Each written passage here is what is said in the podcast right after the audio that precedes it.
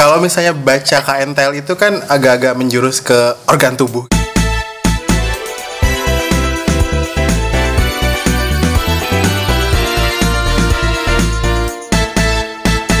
Halo, selamat datang di KNTL Podcast. Gue Adi.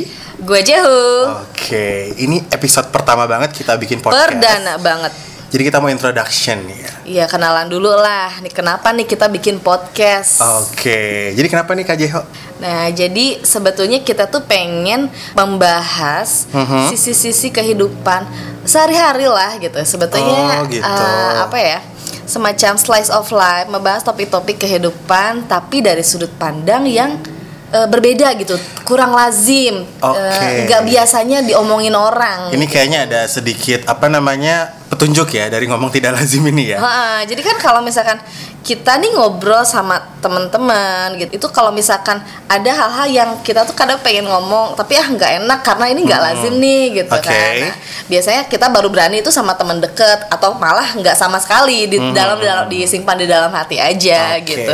Nah dari podcast ini kita kayak pengen, yuk deh ngobrolin gitu kan. Maksudnya Oke. karena gue yakin kita semua tuh punya pikiran ke situ, tapi nggak berani eh, mengungkapkan Iya, begitu. Jadi dari situ hidayahnya ya. Hidayahnya dari situ. Dan kenapa bisa dinamakan KNTL? Oke, it's my turn ya. Iya. Explain it. Sebenarnya KNTL ini kan filosofisnya agak-agak gimana gitu ya. Dia filosofis banget.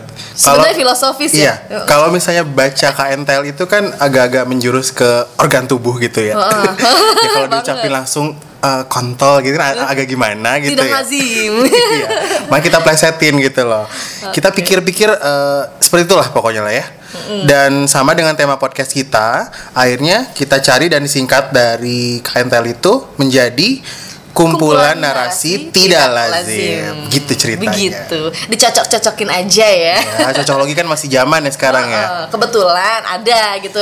Iya, dan topik bahasannya pun eh, beragam ya. Macem-macem. Mungkin kapan-kapan juga kita akan bisa bahas yang berat-berat juga. Betul. Atau kalau misalkan mau suggest atau request dari teman-teman pendengar, Hmm. boleh. Atau pengen kenalan juga sama Jeho sama Adi, boleh. Requestnya request tema ya, bukan request lagu ya. Eh, bisa sih kita nyanyi ya. Oh, gitu ya? Eh, tapi rada annoying gitu suaranya. Ya udah deh, kalau gitu selamat mendengarkan KNTL podcast.